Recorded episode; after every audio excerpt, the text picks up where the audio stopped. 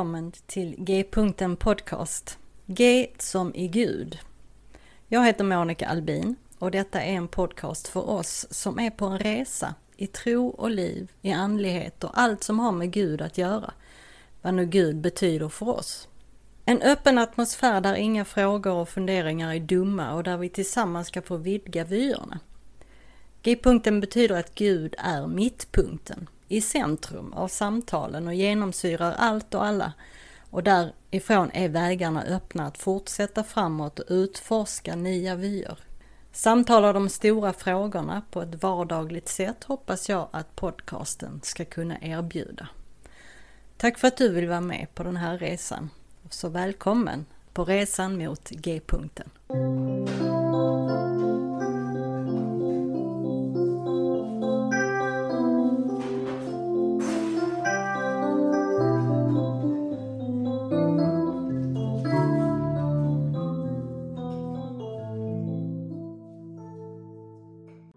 Välkommen tillbaka då till G-punkten Podcast.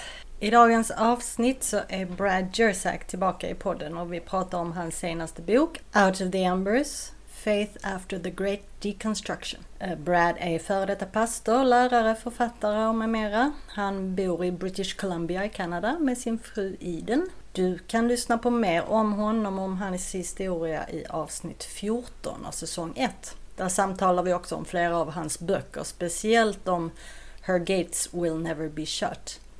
Det avsnittet heter Hell No. Det är en fröjd att prata med Brad som generöst delar med sig av sitt liv, sina upplevelser och sin tro. Och om du gillar avsnittet så dela det gärna på sociala medier till dina vänner. Följ podcastens Facebook-sida och blogg och skriv gärna dina funderingar och kommentarer antingen i kommentarsfältet under avsnittet på Facebook-sidan eller kommentera på bloggen. Nu, varsågod, här kommer mitt samtal med Brad. Welcome back to G-punkten podcast, Brad. Thank you for having me. Sure, it's it's been a while since we talked, but I'm so happy you want to come back. Yeah, my pleasure. It's good to see you, Monica. Now, last time you were on the show was uh, season one and episode 14. And we talked about your story and about several of your books, especially about Her Gates Will Never Be Shut. And I named that episode Hell No. Very good. yeah, it was, uh, yeah. I, I, I felt good about that. Anyway, you told me then that you were writing a new, this new book uh, called Out of the Embers, and that it was a it wasn't an easy book to write, but uh, now it's here, and we're going to talk about it. Excellent. Has it been tough? Yeah, it was tough on a couple levels. Um, I'll say three things first. Like, so one of the one of the issues is that it did require more research than I was expecting because okay. I did a deep dive in the middle of the book into kind of a, a history of deconstruction. So that yes. that was hard work, but okay. And then I had um, uh, organizational problems in terms of how to bring together stories and chapters into into some kind of flow, and that was I found very difficult because in some cases I had I had written a chapter here and there um, just when it was relevant to me with no idea where it would go in the structure. Okay. The hardest thing of all was in terms of looking at my own history, and mm. I didn't expect to be so triggered by revisiting um, some of the painful and traumatic events in, in um, that have been part of my journey. So that that was the hardest of all, and uh, it led to nightmares and and uh, and counseling sessions. But call it a labor of love for other people who've done the same. I can empathize. Yeah. Could you just tell us like why you wrote it and for whom? Sure. Before we get into the content.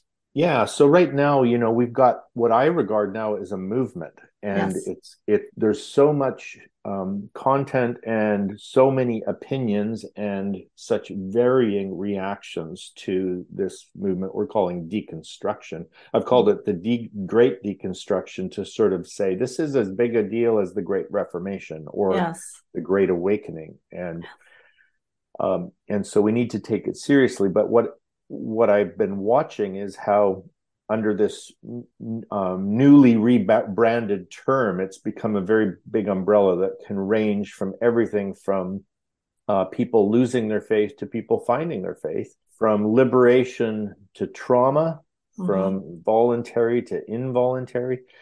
And the two reactions I've seen to it that I think are completely inadequate is one, I, I see the hand wringing pastors mm. who just think it's backsliding and, and they're trying to con- sort of control it and minimize the uh, the bleeding that's going on as as millions of people are leaving their churches.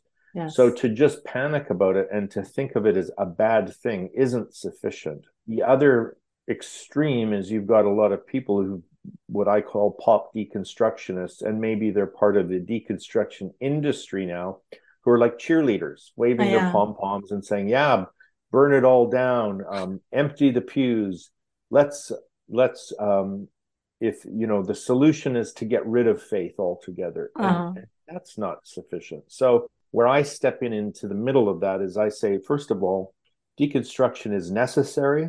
Uh, second it's perilous yes and third it's got possibilities in fact it's mm-hmm. part of the great christian t- tradition and so yes. is there a way we can do this first of all with empathy mm-hmm. hearing people's stories and responding um, with encouragement and companioning with them on the journey so that their deconstruction doesn't end up just w- where they're bereft and alienated, yeah. but that actually would take them deeper into who they are and, and uh, a more authentic faith. Right.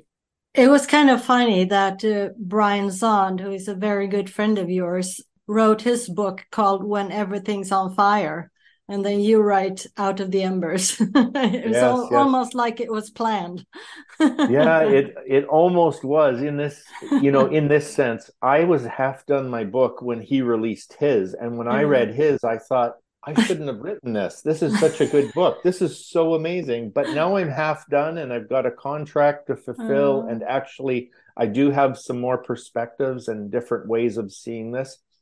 But um and and then and then when different uh, suggestions came in for a book title one of my friends said out of the embers. I'm like wait that's a that's a great response to brian's book. And we've really collaborated anyway it's almost like a box set i did the foreword yeah. to his book he did the foreword to mine yeah. and i think they they're together they make a, a good companion set that that mm-hmm. really at least for me, it's going to be the last word on deconstruction. I'm I'm ready to move forward now and say, mm-hmm. okay, what will what will faith look like? But I cover that in the last part of the book as well yes. a little.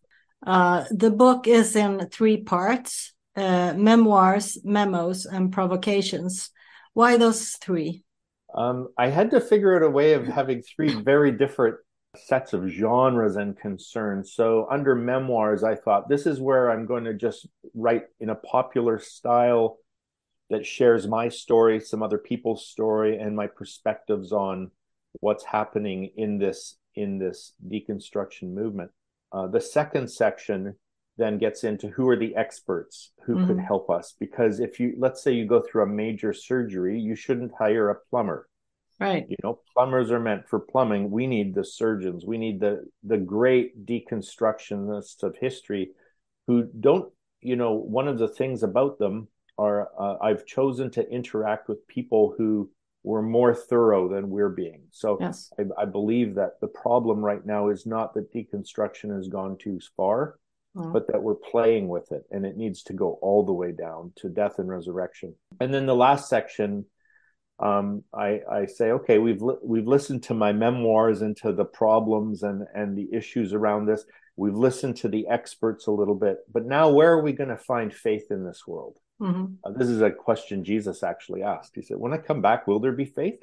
Right, what will right. it look like? And so I'm then looking at who who has helped me in the restoration of a kind of faith, um, let's say, worth dying for. So yes. I look at some martyrs, a faith that's outside the city in the margins, like Jesus mm-hmm. was. So I look at the black voice in America. Yes. And I look at the faith of of people like my godfather who mm-hmm spends time with me as an older caring mentor and who's really thought through these things so those kind of provocations then are are like if you're looking for a place to rebuild out of the embers, uh, I have some suggestions that have been helpful right. to me. I'd like to mention a few chapters, uh, chapter titles, and talk about them. Mm-hmm. Uh, the first one is True Believers. Yeah. Who are they? So, you know, we've got a lot of folks who have left the churches, and some of them, to be frank, were just bored or they were offended about something. Maybe they didn't get their own way, and then they're like, I'm out of here.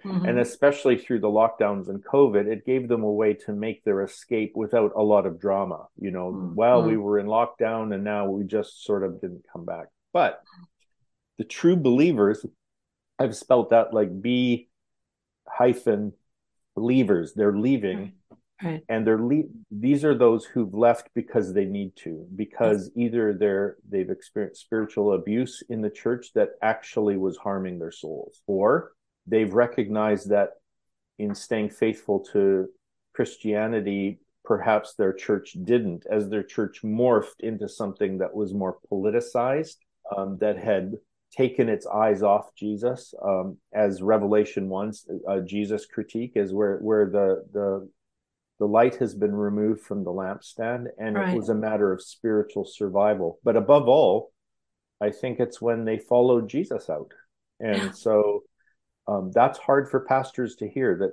that jesus actually might lead someone out of their church but i believe that that has happened on a, on a grand scale alongside maybe some of the more uh, less legitimate reasons for, mm-hmm. for going I, I recognize in these true believers that they they may need some detox mm-hmm. from the faith community they were in. They may need to look for a new place to find that, but that can take time, and they don't want to just jump from one disaster into another. But it's also scary and alienating, and mm-hmm. so I want to minister to them through the book if I can. Yeah, some people are finding new communities that yeah. are are like church to them, but they don't call it that. It's That's just right. New forms that are more forms. generous in terms of a definition. Yeah. Exactly. Uh, the, then you write about trauma, spiritual mastectomy. yeah. This chapter begins with an email from an anonymous person who asks if there is any, any return if you're cut off from God. Can you tell us what your answer was? Yeah, so I used the example of my my dear mom who um, she experienced breast cancer and she knew that if they didn't remove the cancer she was going to die and the analogy there is sometimes there's something uh, malignant in our mm-hmm. faith communities or in our denominational systems or in our own image of god and mm-hmm. it has to go before it kills us but then when she went for her mastectomy she didn't know how much of herself she was going to lose mm-hmm. right you take the cancer out but then she lost you know both of her breasts and mm-hmm. and and more and so the the analogy there is that when we when we excise the toxic and cancerous elements of our faith we may not know how much of our faith we're going to lose we may feel like we've lost not only our community but even lost Jesus and mm-hmm. maybe even meaning in life. And the guy I respond to there is is um he he didn't even have a purpose for living anymore because yeah. he lost he thought he said I'm bereft. I've lost everything. So, you know, my response was first of all again empathy. And then and then I wanted to say look at um we need to find a living connection yes. with a God who loves us and then my godfather actually corrected me. He said, he already has that living connection. Yes. And now, how can we realize it? How can we orient ourselves to become aware of it? Or are there some some things we can do? And this is going to sound really trite, but you could start by praying. it, it, and prayer so many people have lost prayer in the mix but i'm like if there is a god who loves us then prayer is reaching out to that god who's already reached out to us. Right. And you can't lose Jesus if he's already in you and isn't planning to go anywhere, but we can lose sight of Jesus. Now, what, yes. what practices will help us regain that sight? Right. Uh, I found it. Now I have it here. Mm-hmm. Yes. You got a copy. Excellent. Absolutely. Yes. Oh, let's see here. The the response from you. Uh, it says here that it was, "Dear Anonymous, which voice sounds like Jesus Christ?" One. No, mate, you're pretty burnt toast. Pretty much burnt toast. Or no, mate, even if you're made you bed in hell, I am there. Mm, yeah. I'll go with the second one. Yeah. Yeah, me too. Me too. uh, as far down as we can go into the abyss, we will find Christ there with us. That's right. Uh, Saint Sophrony of Essex said it this way: If there is even one soul that remains in hell, you can be sure Christ is there with him. Yeah, exactly. Wonderful. But um, you also have a good guide to mastectomies here. Uh, don't do it yourself get a second opinion, and don't hire a plumber. Yeah, that's, that's hilarious. well, in the second part of the book, like you said, you write about seven sleepers of deconstruction. Yeah. And um, I must admit that this is the part of the book where you lost me a little, at least when I listened to the audio version of it. Mm-hmm. Um, can you? It's uh, dense. It's dense yes, stuff, isn't it? Yeah. Yes, it's very dense and uh, English is not my first language. So, but could you enlighten me a little? What's the story here? Okay. Well, so first of all, your English is better than my Swedish, so you have that on me. well, I don't um, know sec- if that says much. it's excellent. It's so um, I would say um, you know that part is better read than than heard yes. Because it because it sometimes just requires us to slow down a little bit. But you know for some it was their favorite part of the book. So yes, i that's I'm the sure. other aspect of genres right? I've got right, right. something for everybody in this book. And for some section one is more helpful others two others three. But in this middle section i was playing with this uh, legend about about these christians in Ephesus who were being persecuted and they went and had to hide in a cave and the emperor's uh, agents blocked them into the cave where they fell asleep for mm-hmm. hundreds of years and then in the legend um, the someone unblocks the cave and they wake up and and they it's like a time machine almost and yes. so i thought what if what a fun story to think about what if the um the great experts of history were to wake up in our time as we're talking about deconstruction and they're looking at let's say our our social media feeds as people are talking about well when i deconstructed and or or here's you know here's what i think is wrong with the church and so on what would some of our greatest opponents say mm-hmm. like mm-hmm. voltaire and nietzsche and what would some of our greatest prophets say, like Dostoevsky and Kierkegaard and Simone Weil? Mm-hmm. And and even like what would some of the ancients say, like Moses or yes. the early church fathers, right? And so what I do is I, I, I am trying to engage with each of these in some way where they are speaking to us uh, from the, from their expertise, but into our time. Yes. And each of them brings something uh, different to the table. Um, usually, it, it's they're harsher on us than we are, but they also they don't just wash their hands and walk away. They stay right. engaged and they say, "This what you're doing may be on the right track, but it needs to go much deeper." Mm-hmm. And so uh, that's why those chapters get pretty deep, and especially I think that the deepest aspect is this problem of pain and evil in the world. Um, I think that this is this is the Achilles heel of of every faith. Um, how can any faith, Christian, Hindu, Muslim, Sikh, Buddhist, how how how did these respond to uh, you, you know children suffering in war or dying right. of horrendous diseases what and and my suggestion is that the, any rationalization of that problem we call mm-hmm. that a theodicy bringing a rational solution the solution will always call good evil or evil good and instead god's response is to co-suffer with us uh, where is God when this stuff happens? He's on a cross, mm-hmm. Bearing it and fully and directly. And so that's it takes some time to play that out in the book, but I think that's the only worthy answer. Uh, I need the only God I can worship and trust is the one who bears my wounds and the wounds of of those who are suffering and the wo- wounds of those I've harmed. I I just don't see a plan B, and I don't need one. right. Part three is called provocations. Mm-hmm. Uh, out of the embers, faith after free fall. So here, faith is resurrected, not resuscitated. What are some of the inspirations that you give here? Yeah, so so again, I alluded to it earlier, but I thought if a, a faith that's resur- resurrected, um, um, where can I look to see that in this world or in in in history?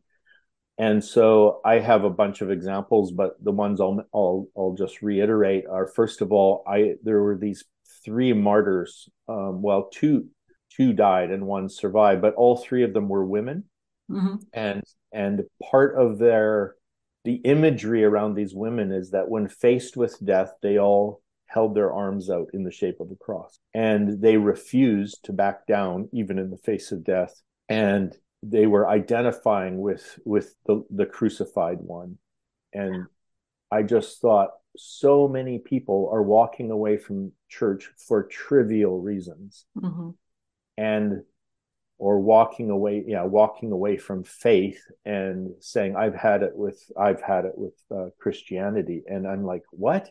How how is this possible? When have you not met him but then i see these women i and i think have i met him? Yeah. Their their faithfulness to see christianity or following jesus as something worth dying for. I need to tap into that yes. you know? So they they're an inspiration to me that encourages me that shames me mm. in my uh, fragility but also inspires me. I want i want to know those stories and what what they saw in our faith that was worthy. I also was really inspired by um, the text in hebrews where it says let us go outside the city to where he suffered. Yes. And this is an image of that we're we're not going to find the kind of radical Jesus following faith that we need inside the status quo. Right. And it's not just about alienating yourself, but it's about going outside the camp to where Jesus was, and that represents the the those on the margins. And one right. good example of that would be the Black Church in America. And mm-hmm.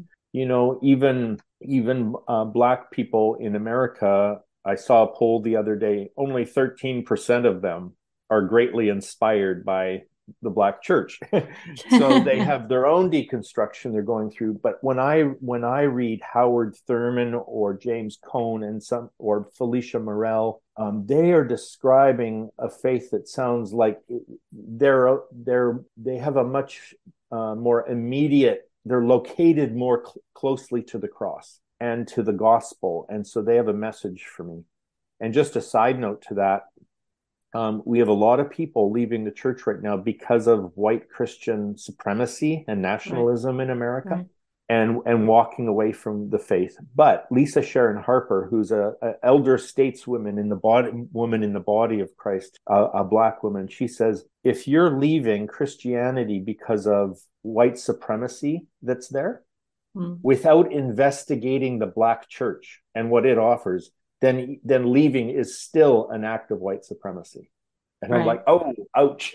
yeah. so I want to hear the black voice of of Jesus in that in what they bring to the table. Yes. And then I'll just say my other one, you know, every Friday I talk to my godfather. He's a yes. wonderful senior with a, you know, this the big silver beard and a lot of wisdom.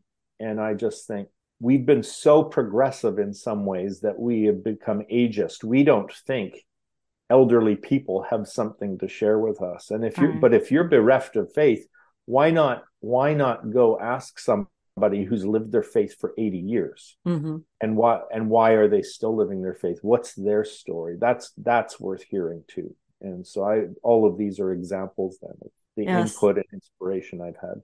Yeah, you write very uh, lovingly about your Fridays with Godfather. Yeah. And um, maybe you want to share a little more about that, more about your conversations with him.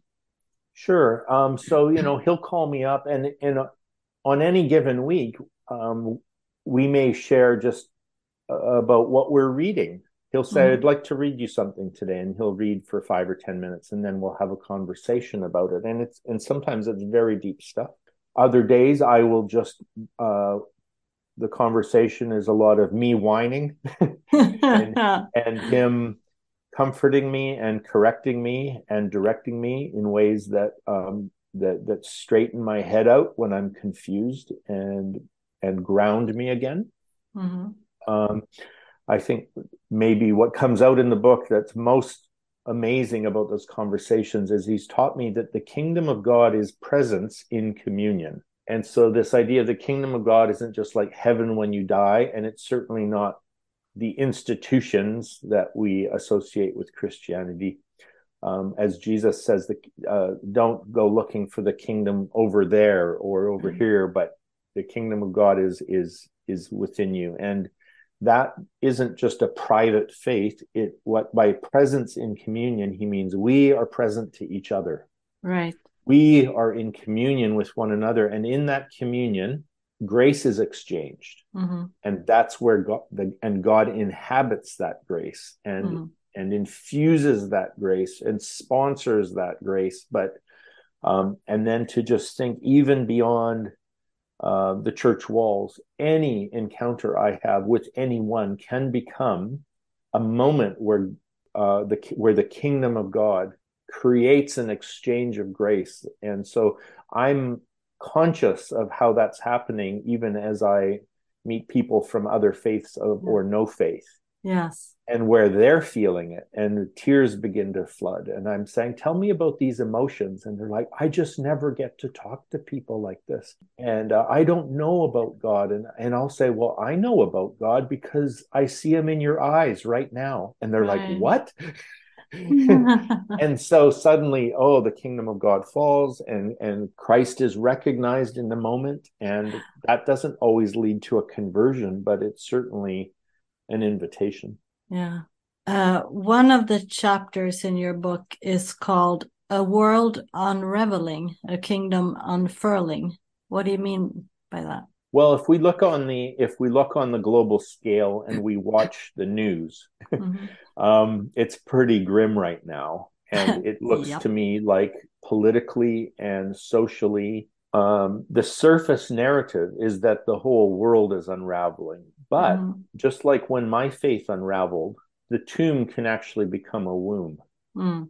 and so again, it's perilous, and a lot of people are dying and and a lot of things are crazy right now and toxic and but in the midst of that um, it's it's in that darkness that we begin to see uh, the sun shine and that you know first john makes this bold statement it's hard to believe but he says you know that the true light has come and the darkness is already fading away it's like well yes. to me it looks like we're in the part of the cycle where the darkness is growing again but i'm also thinking that's precisely where the where where the bright light or as it says in uh, matthew's gospel a, a great light has shone in the region of the shadow of death you mm-hmm. know and so what kind of kingdom could unfurl from that what kind of movement of of god well it might be a really pruned down version and it mm-hmm. might be harder to observe at once. But another image I have of that got from Father John Behr, and he said, you know, it's like it's like we look outside in in in in Canada and in the spring, and there's still snow on the ground, but the sun is shining and suddenly crocuses begin to pop up through the snow and snowdrops and the day you know he was writing me from scotland but the day he said snowdrops and crocuses i looked outside and and they were popping out through the snow in my front yard halfway across the world. Yes. And, and he says, This is the kingdom of God. right. Know? And it anticipates um, the the much greater, you know, restoration of all things, but it's already poking through. Now, uh, we who live uh, in uh, countries where we have four seasons, yeah, we we have this visually. We can be reminded of it every year about this death and resurrection and the life and the death yeah. and the resurrection. Where I grew up, we had two seasons. It was oh. called snow and mosquitoes. Oh, but um, yeah, no, I we no, we really did have the beauty of four seasons that I think, and those those natural cycles in the world uh-huh. are, are, actually icons of the right. kingdom of God and how how we see the the drama of redemption played out through the church calendar that is attached to those yes. seasons. It's quite yes, marvelous. Yes. yes, it is. Springtime and harvest, right? So yes. Well, finally, I want to talk to you about liminal space. Okay. Uh, several authors and speakers have used that phrase, and maybe especially these past three years with a pandemic and, and everything. But how do you describe it, and why is it so important? Sure. So liminal space, uh, the word liminal is connected to to a threshold or doorway. And so a liminal space is the idea of that in between space. Um, I come out of one season of life and I go into another season of life. And, uh, mm-hmm. and so that transition time can sometimes be brief, sometimes extended. It's sometimes traumatic, but it's always disorienting. Mm-hmm. And so, um, and, and, and so that's, and, and everybody experiences it. Uh, we go through those transitions, a liminal space on, on the first day we go to school as children. Yes. When we're passing through the trauma of, of, of puberty, um, when we graduate from high school, mm-hmm. when we have our first boyfriend or girlfriend, um, when we get our first job, when we have, when we get married, mm-hmm. uh, when we have our a child. Um, nine months in the womb, that's a liminal space, right, for parents. it's like yes. you weren't having a child and now you will be having a child, but we've got nine months of this in between time mm. that's very strange and mm. hormonal and and then as we grow older, you know, um, retirement is a tremendous mm-hmm. transition that yes. kills some people you know um, or when you when if you're a married person and then you become a widow or widower yes. so we can't avoid them and for some by temperament uh, liminal space is threatening and dangerous and scary uh, mm-hmm. for others maybe it's more exciting and they they love a new season but I want to say that that liminal space is also a space of possibilities. Yes. And that especially this it occurred to me that Jesus said, I am the door. Yeah. And so you know, he means something specific by that, but I'm like every door I pass through, I can recognize his presence in it. And I'm hoping that he, you know, in the promise of that the Holy Spirit will be our counselor and guide through that time, and that Christ won't abandon us. But also, sometimes the liminal space becomes very dark because of the unknown, and mm-hmm. we don't know what's going to happen next, and and even what happens next may be contingent on things I can't control at all. Right. You know, right. so where is Christ in that? you know mm-hmm. what he's not controlling it but he's he's our companion with it in us and he mm-hmm. cares for us through it and so i wanted to bring that up to say those who are in even a liminal space around their faith that that's when christ may be closest and the dark night of the soul by st john of the cross suggests yes. that when it's pitch black it could be because you're inside his hands and right. it's the safest place to be in the world so right, right. there's hope for those who are experiencing liminality Yes, it's like standing on a threshold. Exactly that. And uh, you can't go back, and you don't know if you dare to go forward. what a good way to say it. Yeah. Uh, uh, now, is there anything else you want to say about this book, or anything you want to plug, like classes or events? Yeah, one thing that uh, we've got some we've got some uh, poss- possibilities for people who who want to explore further um, their faith or their loss of faith or their transitions in faith. Mm-hmm. So, t- uh, two examples would be uh, people who follow me might be interested in actually pursuing grad studies with me um, yes. through St. Stephen's University.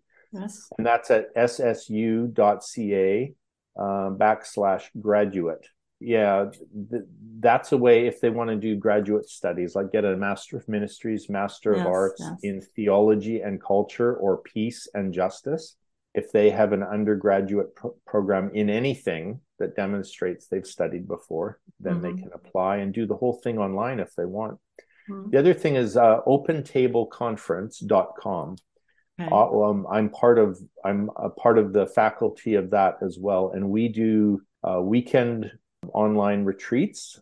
Uh, we also do regular Wednesday classes, and there's all sorts of possibilities on there that people can check out. I know we have one uh, a Saturday coming up very soon about uh, about gender issues, and then uh, in April we're starting a four week series, two Wednesdays and two Saturdays on prayer. And oh. uh, Brian Zahnd is going to be doing his prayer school as part mm-hmm. of that. I'm going to yeah. be doing my listening prayer seminar as part of that. So people. Yes can check out that website for a lot of uh, opportunities. Yeah, I'll put links in the show notes so Thank people you. can reach there.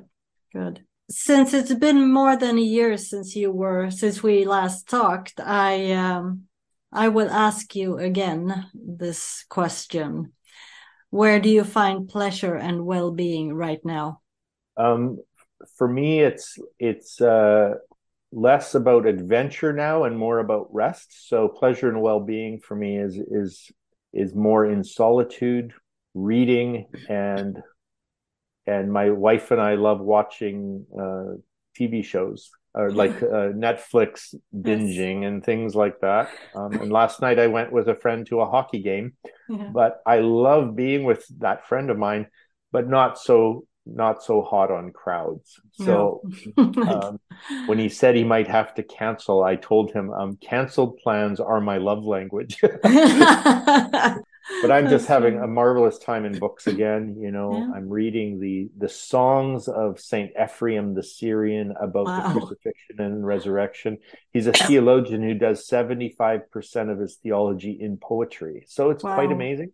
Yeah. And I'm also um, listening to Gandhi's commentary on the Bhagavad Gita and Ooh. what his insights into meditation and and into uh, activism and it's so fascinating because here's a hindu who read the sermon on the mount every day right and deliberately was a jesus follower so mm-hmm.